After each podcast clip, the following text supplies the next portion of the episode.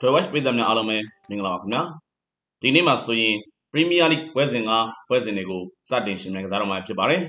ဒီတစ်ပတ်ရှင်မြန်ကစားမဲ့ Premier League ပွဲစဉ်တွေထဲမှာလည်းပွဲကောင်းတွေအများအပြားပါဝင်လို့နေပါတယ်ဒီပွဲစဉ်ကောင်းတွေတဲအမှအသင်းကြီးတွေရှင်မြန်ကစားမဲ့ပွဲစဉ်တွေကိုရွေးနှုတ်ပြီး Dwell Watch ပြည်သက်တွေအတွက်တင်ဆက်သုံးသပ်ပေးလိုက်ပါတယ်ခင်ဗျာ Man U Brighton နောက်ဆုံးကစားထားတဲ့ပွဲစဉ်၃ပွဲမှာ Man U ကနှစ်ပွဲရှုံးထားပါတယ်ရှေ့စွမ်းမှာကြောတဲ့ပြိုင်ဘက်မျိုးဆိုရင် မန်ယူမနိုင်တော့ဘူးလားလို့ထင်မှတ်ရတော့တဲ့အထိစပါးနဲ့အာဆင်နယ်တို့ကိုမန်ယူအရေးနေခဲ့တာပါမန်ယူခန်းစစ်ကြောင်းကအမားများလို့နေတယ်လို့တိုက်စစ်ကလည်းဂိုးတကိုးရဖို့အတွက်အသေးအတန်ရုန်းကန်နေရပါတယ်အထူးသဖြင့်မန်ယူဂိုးသမားအိုနာနာဟာပရီးမီးယားလိပြိုင်ပွဲအထားကိုတည်တည်ချာချာဂဂနာနာနားမလည်သေးပါဘူးအာဆင်နယ်နဲ့ပွဲမှာပွဲပြီးကနေ့နာကျင်အချိန်ပိုရောက်မှနှစ်ဂိုးပေးခဲ့ရတယ်လို့နော်တင်ဟန်နဲ့ပွဲတုန်းကလည်းပွဲအစ၄မိနစ်မှာတင်မန်ယူကနှစ်ဂိုးပေးခဲ့ရမှုပါတယ်မန်ယူဟာတနေရာချင်းအလိုက်လိုအပ်ချက်တွေများလို့နေတယ်လို့ နေရာတချို့အတွက်လည်းကစားသမားအင်အားဖြစ်တင်မှသာအဆင်ပြေပါလိမ့်မယ်။နောက်ဆုံးထွက်ပေါ်လာတဲ့သတင်းတွေအရဆိုရင်ဒဏ်ရာပြဿနာကြောင့်အမ်ရာဘတ်ဟာလည်းဒီပွဲမှာမန်ယူအတွက်ကစားပေးနိုင်မှုမရှိပါဘူး။ဘရိုက်တန်ကတော့အဓိကကစားသမားတချို့ကိုရောင်းထုတ်လိုက်ပေမဲ့အသင်းဟန်ချက်ကလုံးဝပြည့်ရွံ့မသွားသေးပါဘူး။ရလက်တွေလည်းကောင်းမွန်နေပြီးနယူကာဆယ်ကိုတော့အနိုင်ကစားထားပါတယ်။အဝေးကွင်းမှာလာကစားရဖို့ရှိနေပေမဲ့မန်ယူကိုဘရိုက်တန်ချိန်မနေတော့ပါဘူး။ဘရိုက်တန်ရဲ့တံမြန်တိုက်စစ်တွေကမန်ယူကိုအခက်တွေ့စေနိုင်ပါတယ်။ဒါပေမဲ့ ဒီပွဲကိုသာမန်ယူအနိုင်မရခဲ့ရင် PR တွေကတိုးပြီးရင်တိုးရင်းဆိုသလိုဖြစ်သွားတော့မှာပါချန်ပီယံလိမစတင်ခင်မှာအသင်းရဲ့စိတ်ဓာတ်ပိုင်းဆိုင်ရာကိုအမြင့်ဆုံးအထိမြင့်နေထားနိုင်မှုမန်ယူလိုအပ်နေပါတယ်မန်ယူအနိုင်ရသွားမဲ့ပွဲလို့ယုံကြည်ထားမိပါတယ်ခင်ဗျာအဲဗာတန်အာဆင်နယ်အဲဗာတန်ဟာအဆိုးဆုံးအချိန်ကာလတွေမှာတော့အာဆင်နယ်ကိုအနိုင်ကစားခဲ့တာတွေရှိပါတယ်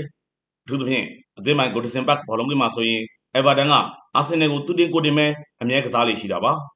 ပြီးခဲ့တဲ့ဘောလုံးရာသီတုန်းကအဲဗာတန်အရာနေပါနေချိန်မှာတော့ဂိုဒီဆင်ဘတ်ကိုရောက်တော့အာဆင်နယ်ကအဲဗာတန်ကိုအရေးနေခဲ့ရပါတယ်။အစင်လာမတန်းနေရအဲဗာတန်ရဲ့အင်ကွင်းမှာအဲဗာတန်ကိုအာဆင်နယ်အနိုင်မရခဲ့တာကဘောလုံးရာသီ900ရာသီဇက်တိုက်ရှိလာခဲ့ပါပြီ။ဒီနှစ်ဘောလုံးရာသီမှာလည်းစားဆောင်ရေးပိုင်းဆိုင်ရာအရာအဲဗာတန်ကထူးထူးခြားခြားကောင်းမွန်လာခြင်းမရှိသေးပါဘူး။ကစားခဲ့ပြီးတဲ့ပရီးမီးယားလိပွဲစဉ်လေးပွဲမှာအဲဗာတန်ကတပွဲသာသေးရပြီးသုံးပွဲရှုံးနေထားသလိုရှီစွမ်းကလည်းအတော့ကိုပဲဆိုးဆိုးရွားဖြစ်လို့နေပါတယ်။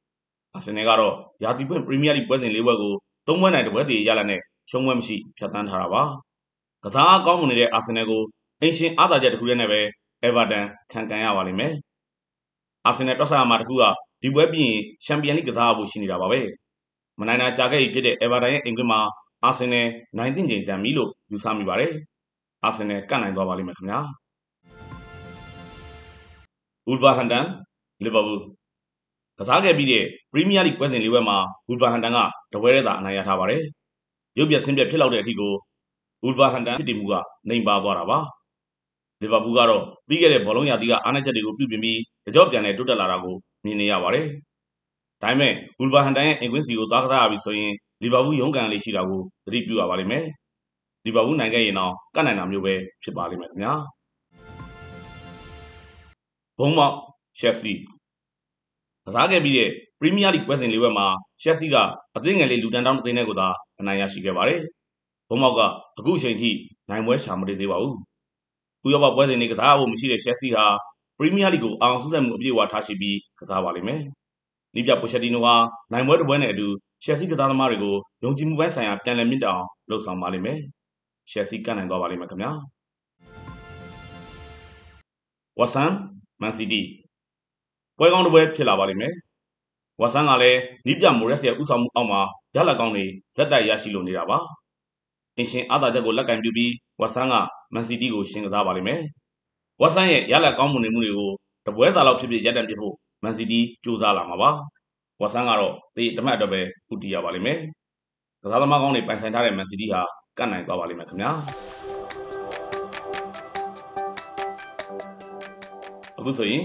ဒီတော့မှရှင်မြန်ကစားမဲ့ Premier League ပွဲစဉ်တွေကအကောင်းဆုံးပွဲစဉ်၅ပွဲကိုရွေးချယ်ပြီးသုံးသပ်တင်ဆက်ပေးခဲ့ပြီးဖြစ်ပါတယ်။ပြည်သူအားလုံးလည်းကံကောင်းမှုတွေနဲ့ဆုံစည်းနိုင်ပါစေလို့ဆုမွန်ကောင်းတောင်းပေးလိုက်ပါတယ်ခင်ဗျာ။